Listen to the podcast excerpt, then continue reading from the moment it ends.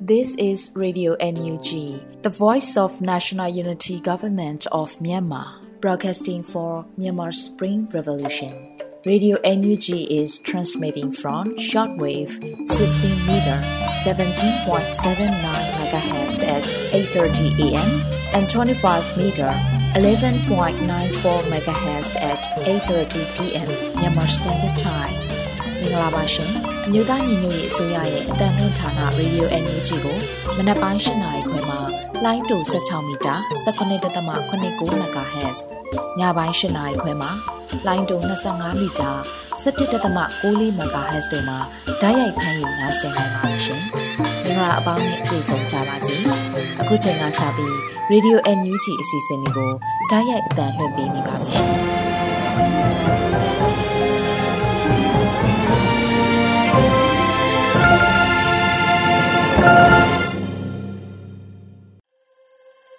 မြန်မာနိုင်ငံသူနိုင်ငံသားအပေါင်းတဘာဝပြီးဆရာနာရှင်ပြည်တို့ကနေကင်းဝေးပြီးကိုစိတ်နှစ်ပါးဘေးကင်းလုံခြုံကြပါစေလို့ရေဒီယိုညူချီဖွယ်သားများကဆုတောင်းမြတ်တာပို့သလာရပါတယ်ရှင်။အခုချိန်ကစပြီးကာခွေဝင်ကြီးဌာနရဲ့စီရေးသတင်းချင်းချုပ်ကိုတော့မျိုးဦးမောင်မှဖတ်ကြားတင်ပြပေးပါရမရှင်။နိုင်စဉ်စီရေးသတင်းအချင်းချုပ်ကိုတင်ဆက်ပေးပါရမယ်။စစ်ကောင်စီတပ်သားတေဆုံစုံစမ်းစေစစ်ကောင်စီတပ်သားဒဏ်ရာရ စုံစမ်းစေစစ်ကောင်စီနဲ့တိုက်ပွဲဖြစ်ပွားမှုသတင်းများကိုတင်ဆက်ပေးပါမယ်။ပဲခူးတိုင်းတွင်ဒီဇင်ဘာလ၁ရက်နေ့နေ့လယ်တနာရီခွဲခန့်ကအုပ်ဖို့မြို့နယ်ဝိုင်းကျေးရွာအုပ်စုချောင်းဆောက်ကျေးရွာရှိဒေသခံများ၏နေအိမ်၌တပ်ဆွဲထားသောစစ်ကောင်စီတပ်အားဒါယာဝတီခရိုင် PDF တရင်383ညနှင့်တက်ခွဲငါတက်စု3ကအဝေးထိန်မိုင်းဖြင့်ဖောက်ခွဲတိုက်ခတ်ခဲ့သည်ဆက်လက်ပြီးစစ်ကောင်စီကျူးလွန်သောရာဇဝတ်မှုများကိုတင်ဆက်ပေးပါမယ်။ကရင်နီကရားပြည်နယ်တွင်နိုဝင်ဘာလ30ရက်နေ့က လွိုက်ကော်မြို့နယ်လွိုက်ကော်မြို့မင်္ဂလာရက်ကွက်ငါးနှကောင်ဆိုင်လန်းချားနာတွင် 4W ကားဖြင့်လူတအူအားလက်ပြန်ကျိုးတုပ်ပြီးစစ်ကောင်စီတပ်သားများကဖမ်းဆီးခေါ်ဆောင်သွားကြောင်းသိရသည်။စကိုင်းတိုင်းတွင်နိုဝင်ဘာလ30ရက်နေ့နေ့လယ်12နာရီခန့်ကတမူးမြို့နယ်တမူးမြို့နယ်အိန္ဒိယနိုင်ငံမိုးရေးမြို့နယ်ဆက်ဘောလုံးကွင်းအနီးတွင်တမူးမြို့နယ်ပြူစောတိကောင်းဆောင်ပကြီးချမ်းမြေအဖွဲ့ကစက်တနက်ဖြင့်ပြစ်ခတ်ခဲ့ရာဈေးတဲ့တအူထိမှန်ခဲ့ပြီးပြူစောထီးများကကားဖြည့်ချက်ချင်းခေါ်ဆောင်သွားခဲ့သည်။ နိုဝင်ဘာလ30ရက်နေ့မနက်9:40ခန်းကထီးချိုင်းမြို့နယ်လေးသားချေးရွာကိုစစ်ကောင်စီ Jet Fighter ဖြင့်ဘုံကျဲခဲ့သည်။နိုဝင်ဘာလ30ရက်နေ့ကကမ်ဘလူးမြို့နယ်ဇော်ချောင်းချေးရွာသို့ခမာယ363စက္ကစတပ်သားများဝင်ရောက်ခဲ့ပြီးနေအိမ်20လုံးဘူရာယုံတို့ကိုမီးရှို့ဖျက်ဆီးခဲ့သည်။စစ်ကောင်စီများကစုစုပေါင်း6ကြိမ်မီးရှို့ခဲ့ပြီးစုစုပေါင်း165လုံးမီးလောင်ဖျက်ဆီးခဲ့သည်။နိုဝင်ဘာလ30ရက်နေ့နေ့လယ်3နာရီခွဲခန့်က ထီးချိုင်မြို့နယ်လေးသားကျေးရွာအား SNA မှဝင်ရောက်မီးရှို့ခဲ့သည်နိုဝင်ဘာလ30ရက်နေ့ကကမ်ဘလူးမြို့နယ်မိတ်တန်လင်ကုန်းကျေးရွာသို့စစ်ကောင်စီတပ်သားများဝင်ရောက်ခဲ့ပြီးနေအိမ်6လုံးကိုမီးရှို့ဖျက်ဆီးခဲ့သည်နိုဝင်ဘာလ30ရက်နေ့နေ့လယ်2:45မိနစ်ခန့်ကစလင်းကြီးမြို့နယ်ထန်းစင်ကျေးရွာသို့စစ်ကောင်စီတပ်သားများဝင်ရောက်ခဲ့ပြီးနေအိမ်များကိုမီးရှို့ဖျက်ဆီးခဲ့သည်ရန်ကုန်တိုင်းတွင်အင်းစိန်အကျဉ်းထောင်တွင်ဖမ်းဆီးခံထားရသောတကုံတက္ကသိုလ်ကျောင်းသား9ဦးကို အင်းစိန်အကျဉ်းထောင်စစ်ခုံရုံးမှရာဇသက်ကြီးဥပဒေပုံမှ300နှစ်လူသက်မှုကြောင့်တေးတန်းအမိတ်ချမှတ်ခဲ့ကြောင်းသိရသည်။ယခုတင်ဆက်ပေးခဲ့တာကတော့ကာကွယ်ရေးဝန်ကြီးဌာနအမျိုးသားညီညွတ်ရေးအစိုးရမှထုတ်ဝေသောနိုင်စဉ်စီရေးတရင်အကျဉ်းချုပ်ပဲဖြစ်ပါတယ်။ကျွန်တော်ကတော့ຫນွေဦးမောင်ပါခင်ဗျာ။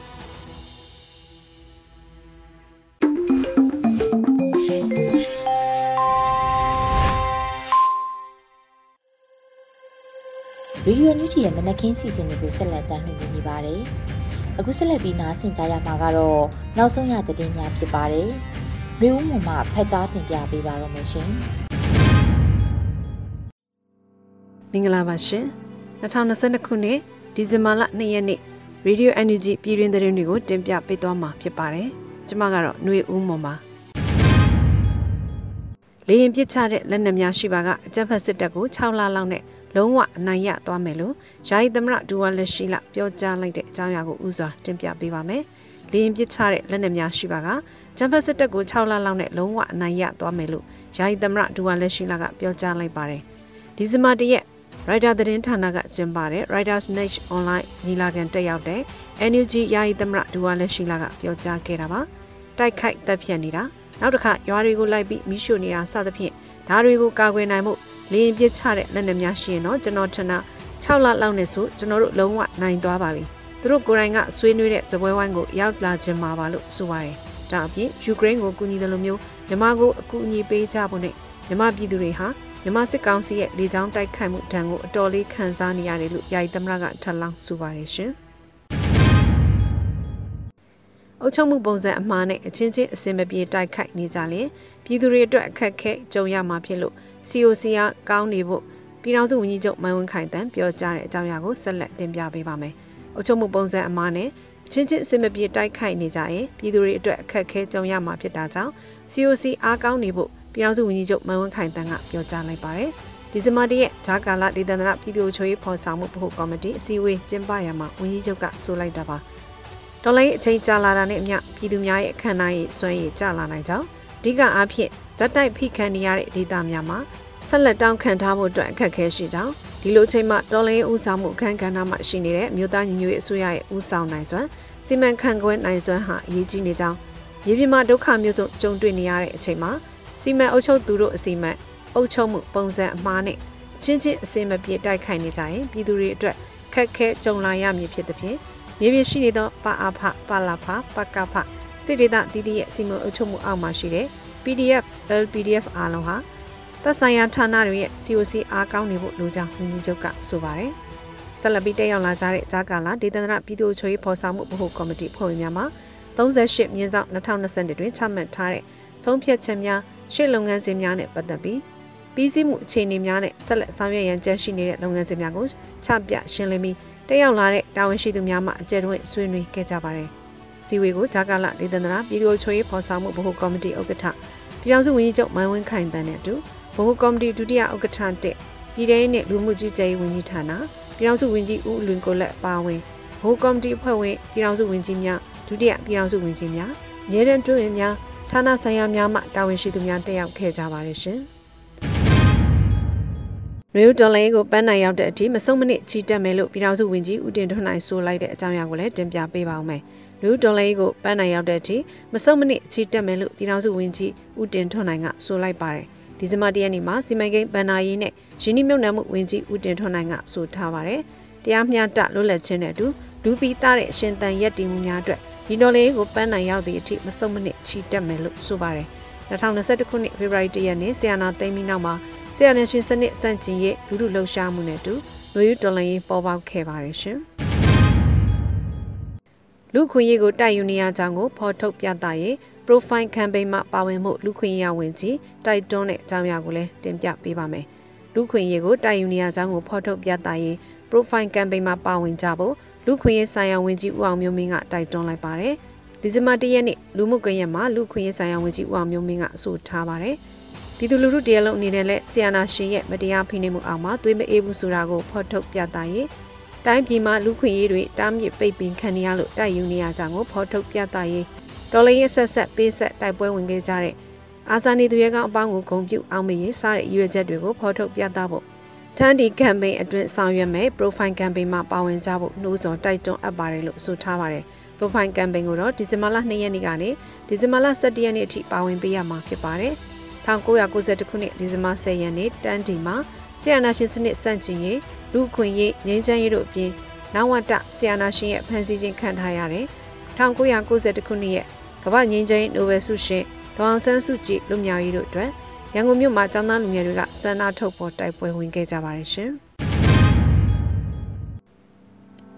တရုတ်ဆောင်မင်းမော်ကွင်းရဲ့ဂစ်တာကိုတော်လန်ရဲအတွက် project ဖြစ်ကန်ဆယ်မဲ့လက်မှတ်များရောင်းချတဲ့တဲ့ရင်ကိုတင်ပြပေးပါမယ်။တရုတ်ဆောင်မင်းမော်ကွင်းရဲ့ဂစ်တာကိုတော်လန်ရဲအတွက် project ဖြစ် ကန်ဆယ်မဲ့လက်မှတ်များရောင်းချပေးနေတယ်လို့သတင်းရရှိပါတယ်။ဒီဇင်ဘာ၁ရက်နေ့မှာ H2B ရဲ့အသိပေးကြေညာချက်အရသိရပါတယ်။မြမော်ကွန်းရဲ့မျက်နှိုးတံမိုးထားရတဲ့အနည်း20ကျော်လက်တွဲပေါ်ဂစ်တာလေးကိုတော်လန်ရေးအတွက်ပြည်သူတွေထံပေးအပ်သွားမဲ့သူ့ရဲ့ပထမဆုံး project မှာပါဝင်ကြဖို့ဖိတ်ခေါ်ပါတယ်လို့ဆိုပါတယ်။ရန်ကုန်မြို့ပြညရဲ့ဂစ်တာတန်များ project အတွက်လက်မှတ်တစ်စောင်း American Dollar 20နဲ့ H2B page မှာလာရောက်ဝယ်ယူလို့ရပြီလို့သိရပါတယ်ရှင်။ ကျိုင်းစစ်ကြီးမြို့နယ်ခလိုက်ရနှစ်ရှည်လေးထံမှာတသားတူ KNL ပူပေါင်းတပ်ဖွဲ့တန်းတို့အလင်းဝင်ပူပေါင်းလာတဲ့တဲ့ရင်ကိုဆက်လက်တင်ပြပေးကြပါမယ်။ကင်းပြည်နယ်ကျိုင်းစစ်ကြီးမြို့နယ်ခလိုက်ရနှစ်ရှည်လေးထံမှာတသားတူ KNL ပူပေါင်းတပ်ဖွဲ့ထံအလင်းဝင်ပူပေါင်းလာတယ်လို့သိရှိရပါတယ်။ဒီဇင်ဘာ၁ရက်နေ့မှာငကနီစစ်ကြောင်းတပ်ခွဲနှစ်ကအသိပေးဆိုပါတယ်။ကရင်ပြည်နယ်ကြာရင်စိတ်ကြီးမြို့နယ်ခလာရနှစ်ရှင်းလေးမှတပ်သားစပိုင်ထုံဟာငကနီစစ်ကြောင်းတက်ခွဲနှစ်နဲ့ KNL တရင်19တက်ခွဲနှစ်ထံသို့လာရောက်ပူးပေါင်း CDM ပြုလုပ်ခဲ့ပါတယ်လို့ဆိုပါတယ်။ CDM လာရောက်ပြုလုပ်သောတပ်သားအားငကနီစစ်ကြောင်းတက်ခွဲနှစ်မှကြိုးဆိုပြီးလိုအပ်တဲ့ဝေစာသုံးဆောင်များနဲ့ထောက်ပံ့ငွေများပတ်မှုကူညီခဲ့ပါတယ်။ငကနီစစ်ကြောင်းတက်ခွဲနှစ်နဲ့ KNL တရင်19တက်ခွဲနှစ်ထံသို့လာရောက်ပူးပေါင်း CDM ပြုလုပ်ကြသည်မှာ10ဦးကျော်အထိရှိနေပြီဖြစ်ပါတယ်ရှင်။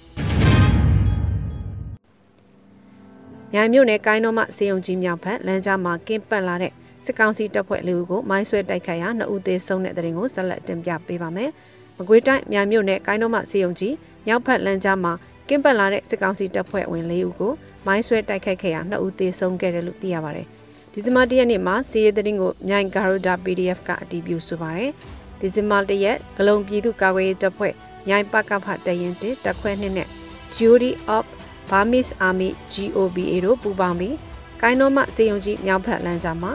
မနက်9:45မိနစ်အချိန်ခန့်မှာကင်းပန်နေတဲ့စစ်ကောင်စီတပ်ဖွဲ့ဝင်လေးကိုမိုင်းဆွဲတိုက်ခိုက်ခဲ့တယ်လို့ဆိုပါတယ်။မိုင်းဆွဲတိုက်ခိုက်မှုကြောင့်စစ်ကောင်စီတပ်ဖွဲ့ဝင်2ဦးနေရာတွင်သေဆုံးခဲ့ပြီးတော့2ဦးပြင်းထန်ဒဏ်ရာရရှိခဲ့တယ်လို့ဆိုပါတယ်ရှင်။တပင်းကံပြားဘက်ကိုဝင်ရောက်နေတဲ့ကျမ်းပတ်စစ်ကောင်စီတပ်အင်အား80ခန့်ပျော်ဝေကျွော်ကိုဝင်ရောက်ခဲ့ပြီးရက်သားပြည်သူနေ20ခန့်အားမိရှုဖျက်ဆီးခဲ့တဲ့ဆိုတဲ့သတင်းကိုလည်းတင်ပြပေးပါမယ်။ စကိုင်းတိုင်းတပင်းကံပြားဘက်ကိုဝင်ရောက်နေတဲ့ကျန်းဖက်စစ်ကောင်စီတပ်အင်အား80ခန့်ဟာပျော်ဝဲကျွော်ကိုဝင်ရောက်ခဲ့ပြီးအရသာပြည်သူနေအိမ်20ခန့်ကိုမိရှုဖျက်ဆီးခဲ့တယ်လို့သိရပါတယ်။ဒီဇင်ဘာ၁ရက်နေ့နံနက်ပိုင်းမှာစစ်ကောင်စီတပ်များဟာပျော်ဝဲကျွော်ကိုဝင်ရောက်ဖျက်ဆီးခဲ့တယ်လို့တပင်းမြို့နယ်စစ်ဆောင်ထောက်ပံ့ရေးအဖွဲ့ကအတည်ပြုဆိုပါတယ်။ယနေ့နံနက်ပိုင်းတပင်းကံပြားဘက်သို့ဝင်ရောက်နေသောကျန်းဖက်စစ်ကောင်စီတပ်အင်အား80ခန့်သည်ပျော်ဝဲကျွော်သို့ဝင်ရောက်ခဲ့ပြီးရသားပြည်သူနေအိမ်20ခန့်အားမိရှုဖျက်ဆီးခဲ့ပါတယ်လို့ဆိုပါတယ်။ ဒါအပြင်မစိုးရင်ကြေးရွာမှပြည်သူလေးဦးကဖမ်းဆီးခေါ်ဆောင်သွားပြီးတပြင်းမျိုးတွေတို့ဝင်ရောက်သွားတယ်လို့သတင်းရရှိပါတယ်ရှင်။ခုတင်ပြခဲ့တဲ့သတင်းတွေကိုတော့ Radio Energy သတင်းတောက်မင်းမင်းကပေးပို့ထားတာဖြစ်ပါတယ်။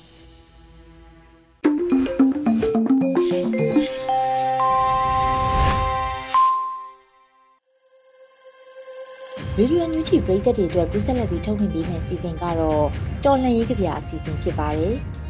နှင်းခါမိုးရေးသားပြီးလွတ်လပ်နေဖတ်ကြားထားတဲ့ငှက်ဆိုးလိုအမည်ရတဲ့တော်လှန်ရေးကြပြကိုနားဆင်ကြရတော့မှာဖြစ်ပါတယ်ရှင်။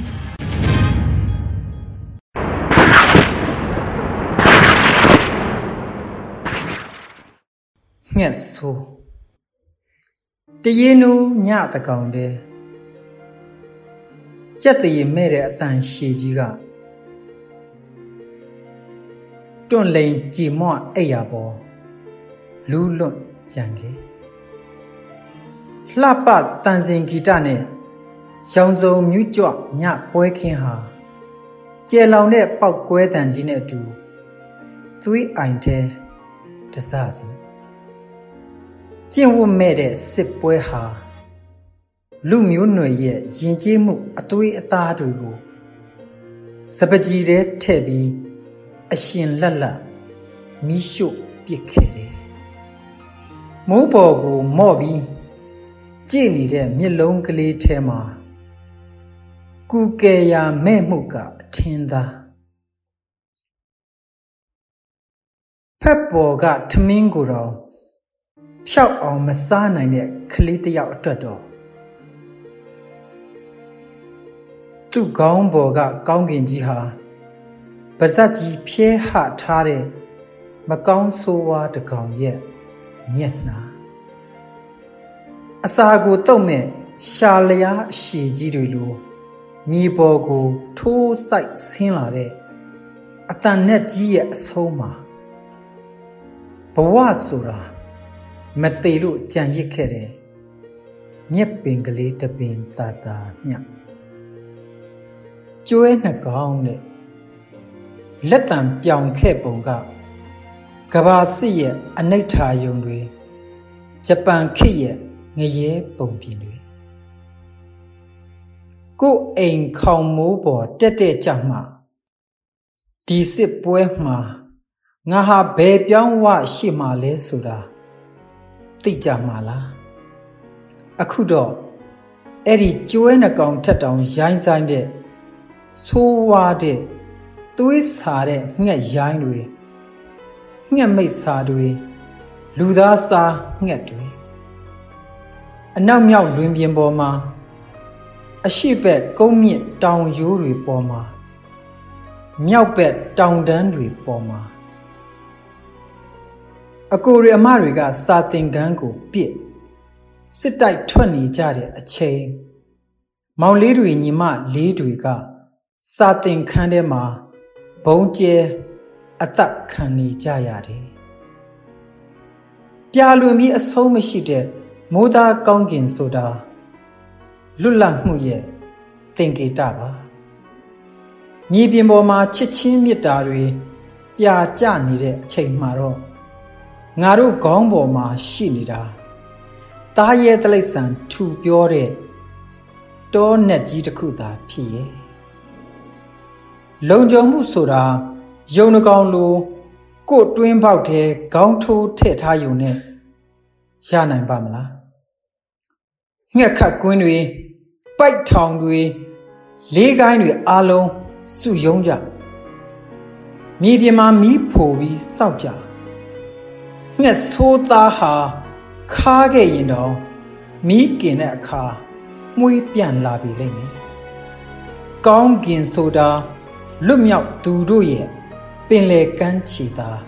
ဖြစ်ရဲ့နှင်ခါမှု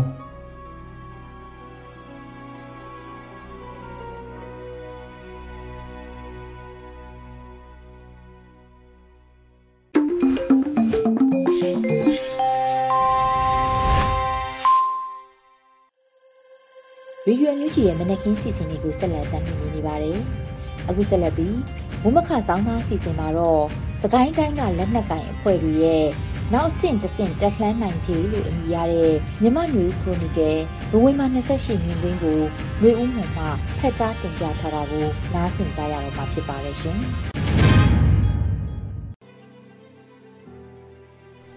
စကိုင်းတိုင်းကလက်နက်ကိုင်ဖွဲ့တွေရဲ့နောက်အဆင့်တစ်ဆင့်လှမ်းတက်နိုင်ခြေဆင်နာသိမ်းမှုပြီး စကိုင်းတိုင်းမှာအစောဆုံးဖွဲ့စည်းခဲ့တဲ့လက်နက်ကိုင်အဖွဲ့အချို့ဟာယမန်နှစ်ဧပြီလဝန်းကျင်ကဖွဲ့စည်းခဲ့တာဖြစ်လို့ခုဆိုရင်တစ်နှစ်ခွဲကျော်ကာလတက်တန်းရှိတဲ့လက်နက်ကိုင်ဖွဲ့စည်းဖြစ်လာပြီးနောက်အကြဆုံးပေါ်ပေါက်လာတဲ့ဒေသလိုက်လက်နက်ကိုင်ဖွဲ့တွေဒီပင်လျင်တစ်နှစ်နီးပါးတက်တန်းကိုရောက်ရှိလာပြီဖြစ်ပါတယ်။တစ်နှစ်တာကာလအတွင်းဒေသရင်းမှာပေါ်ထွက်လာတဲ့လက်နက်ကိုင်ဖွဲ့စည်းငယ်တွေအနေနဲ့တစ်နှစ်တာကာလကိုပြန်လည်သုံးသပ်သင်ခန်းစာယူစရာတွေရှိတယ်လို့ နိုင်ငံရေးအရလဲစူးစီးမှုရှိအောင်လှုံ့ဆော်ကြဖို့လက်နက်ကိုင်တော်လှန်ရေးဦးဆောင်ဖွဲ့စည်းဖြစ်တဲ့ Energy မှာတာဝန်ရှိလိမ့်မယ်လို့ယူဆပါတယ်။စီးရဲလှုပ်ရှားမှုတွေမှာဒေသလိုက်ပေါ်ထွက်လာတဲ့လက်နက်ကိုင်ဖွဲ့စည်းတွေကြားပူးပေါင်းဆောင်ရွက်မှု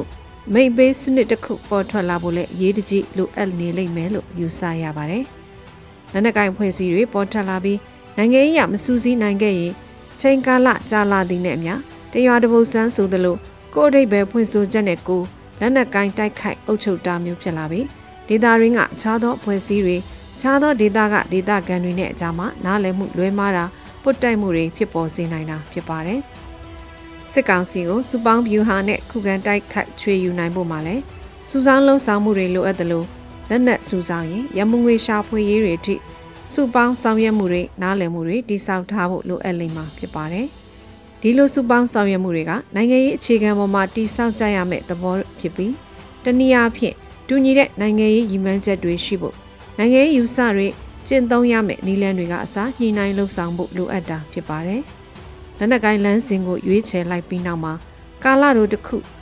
လပိုင်းတစ်နှစ်နှစ်နှစ်လောက်သာစဉ်းစားပြင်ဆင်လို့မရတော့ပဲကာလရှည်အတွက်နိုင်ငံရေးလမ်းစဉ်ဖွဲ့စည်းဆက်လက်ရှင်သန်နိုင်ရေးဒေသခံလူထုအနေနဲ့လည်း ရေရှည်မှာဆက်လက်သက်ရှင်ထောက်ခံနိုင်မှုသူတို့ရဲ့အသက်မွေးမှုတွေစတာတွေကိုပါထည့်သွင်းစဉ်းစားပြီးလုပ်ငန်းစဉ်တွေချမှတ်ထားဖို့လိုအပ်မှာဖြစ်ပါတယ်။ပြည်တွင်းစစ်တွေမှာတစ်နှစ်အတွင်းနှစ်နှစ်အတွင်းအနိုင်အရှုံးဖြေပေါ်တာမျိုးနေပြီးကာလာအဖြစ်9နှစ်10နှစ်အထိကြာရှည်မှအပြေပေါ်တဲ့ပြည်တွင်းစစ်တွေလည်းရှိကြတာဖြစ်ပါတယ်။နိုင်ငံတကာရဲ့ပါဝင်မှုလက်နက်ငွေကြေးပုံအောထောက်ခံမှုမရှိတဲ့ပြည်တွင်းစစ်တွေကချိန်ကြနိုင်ပြီးနိုင်ငံတကာဆွတ်ဖက်မှုတွေထောက်ပံ့မှုတွေရှိတဲ့ ပြည်တွင်းစစ်တွေကချိန်တိုးကောင်းတိုးပေမဲ့အခြားသောရည်ရွယ်ချက်တွေပါဝင်လာရင်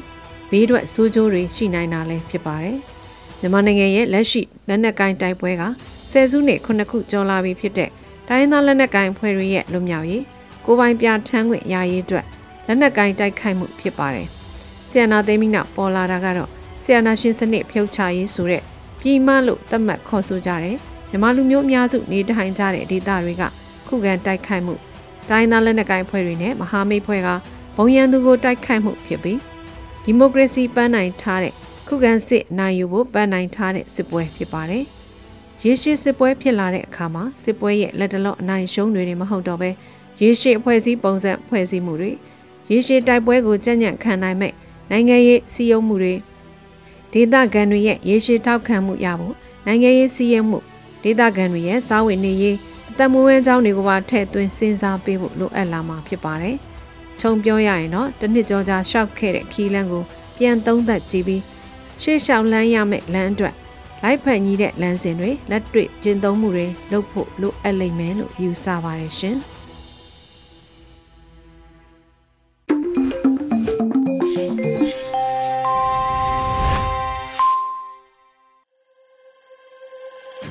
ချီရဲ့မနက်ခင်းစီစဉ်လေးကိုဆက်လက်တင်ပြနေပါတယ်။အခုဆက်လက်ပြီးပြည်သူခုခံစစ်တရင်များကိုတော့နှွေဦးလင်းအိမ်မှဖတ်ကြားတင်ပြပေးပါမယ်ရှင်။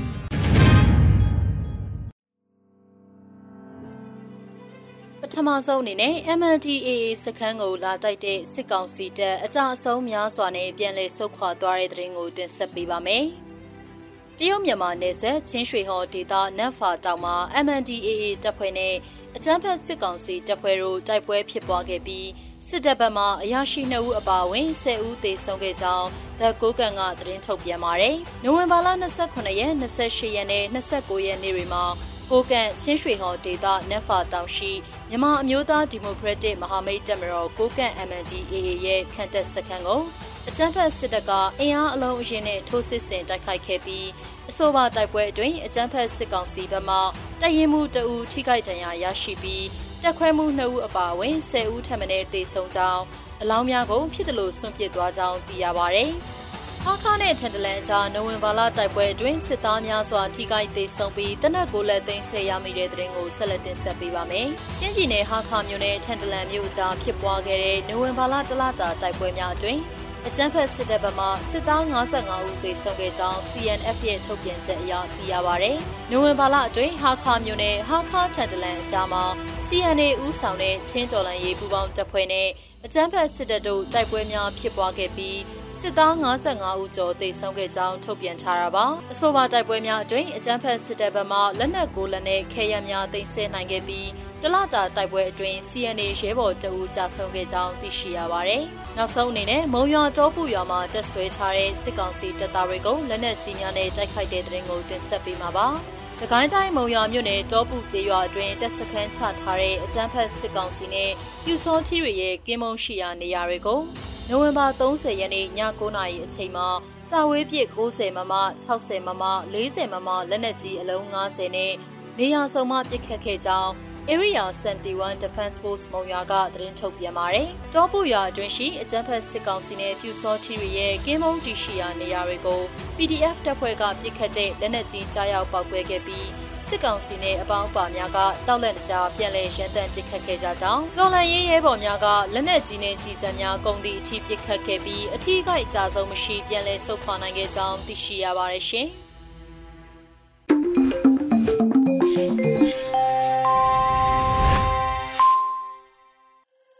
ဗီဒီယိုညူချီပရိသတ်တွေအတွက်ခုနောက်ဆုံးနားဆင်ကြရမယ့်စီစဉ်ကတော့ PPTV ရဲ့နေ့စဉ်သတင်းများဖြစ်ပါတယ်။မြို့တော်တော်မှဖက်ကြားတင်ပြပေးပါတော့မယ်ရှင်။အခုချိန်ကစပြီး PPTV သတင်းတွေကိုတင်ဆက်ပေးတော့မှာပါ။ကျွန်မရိမ္မာ ပထမဆုံးတင်ဆက်ပေးမဲ့သတင်းကတော့ပြည်ထောင်စုနဲ့လူဝင်မှုကြီးကြပ်ရေးဝန်ကြီးဌာနနဲ့စကိုင်းတိုင်းမကွေတိုင်းပဲခူးတိုင်းမှာရှိတဲ့မြို့နယ်ပြည်သူ့အုပ်ချုပ်ရေးအဖွဲ့တွေနဲ့တွဲဆုံဆွေးနွေးတဲ့သတင်းမှာ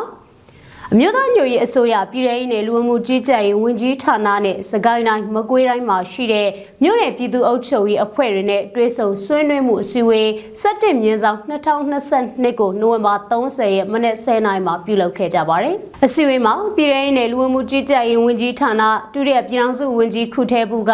ပြည်သူ့အုပ်ချုပ်ရေးဟာပြည်သူ့ကိုစားပြုစီမံခန့်ခွဲရတာဖြစ်လို့လူထုစီမံရေးရာကိစ္စရပ်များဆောင်ရွက်ရမှာတရားမျှတစွာဆောင်ရွက်ရန်လိုအပ်တယ်။ထဌာနပေါင်းစုံနဲ့တွဲဆုံဆွေးနွေးရမှာဖြစ်လို့အချိတ်အဆက်ရရှိရလဲလိုအပ်တယ်ဒေါ်လာရေးကာလမှာပါဝင်နေကြသူတွေကမိမိတို့ရဲ့တာဝန်ယူတာဝန်ခံစိတ်အပြည့်အဝနဲ့ဆောင်ရွက်နေကြသူတွေဖြစ်တယ်။ ဒေသအသီးသီးမှာမြေပြင်ရှိအခြေအနေတွေကြုံတွေ့နေရတဲ့အခက်အခဲတွေအပေါ်အချိန်နဲ့တပြေးညီတင်ပြသွားရမှာဖြစ်တယ်လို့ပြောကြားခဲ့ပါတယ်။ဆက်လက်ပြီးပြည်ထောင်စုနဲ့လူဝမှုကြီးကြပ်ရေးဝန်ကြီးဌာနပြည်သူ့အုပ်ချုပ်ရေးဦးစီးဌာနရဲ့တာဝန်ရှိသူတွေကဝန်ကြီးဌာနရဲ့လုပ်ငန်းဆောင်ရွက်ချက်များကိုရှင်းလင်းပြောကြားခဲ့ပါတယ်အဲဒီနောက်တက်ရောက်လာသောမြို့နယ်ပအဖအဖွဲ့ဝင်တွေကမြေပြင်အုပ်ချုပ်ရေးဆောင်ရွက်နေမှုများ ကြုံတွေ့နေရတဲ့အခက်အခဲများနဲ့လိုအပ်ချက်များကို ရှင်းလင်းတင်ပြပြီးမူဝါဒပိုင်းဆိုင်ရာသိရှိလိုတာတွေကိုမေးမြန်းကြရာဝန်ကြီးဌာနမှသက်ဆိုင်ရာတာဝန်ရှိသူများကပြန်လည်ဖြေကြားခဲ့ကြပါတယ်။ အစည်းအဝေးသို့ပြည်ထောင်ရေးနဲ့လူဝင်မှုကြီးကြပ်ရေးဝန်ကြီးဌာနဒုတိယပြည်ထောင်စုဝန်ကြီးခုထဲဘူးကဦးဆောင်ကအမြဲတမ်းအတွင်ဝင်ပြည်သူ့အုပ်ချုပ်ရေးဦးစီးဌာနပြည်သူ့ရဲတပ်ဖွဲ့မိသက်ဦးစီးဌာနလူဝင်မှုကြီးကြပ်ရေးဦးစီးဌာနအထူးစုံစမ်းထောက်လှမ်းရေးဦးစီးဌာနတို့မှတာဝန်ရှိသူများစကိုင်းတိုင်းမကွေးတိုင်းပဲခူးတိုင်းတို့မှမြို့နယ်ပြည်သူ့အုပ်ချုပ်ရေးအဖွဲ့ဝင်များတက်ရောက်ခဲ့တယ်လို့ပြည်ထောင်ရေးနဲ့လူဝင်မှုကြီးကြပ်ရေးဝန်ကြီးဌာနကသတင်းထုတ်ပြန်ထားပါတယ်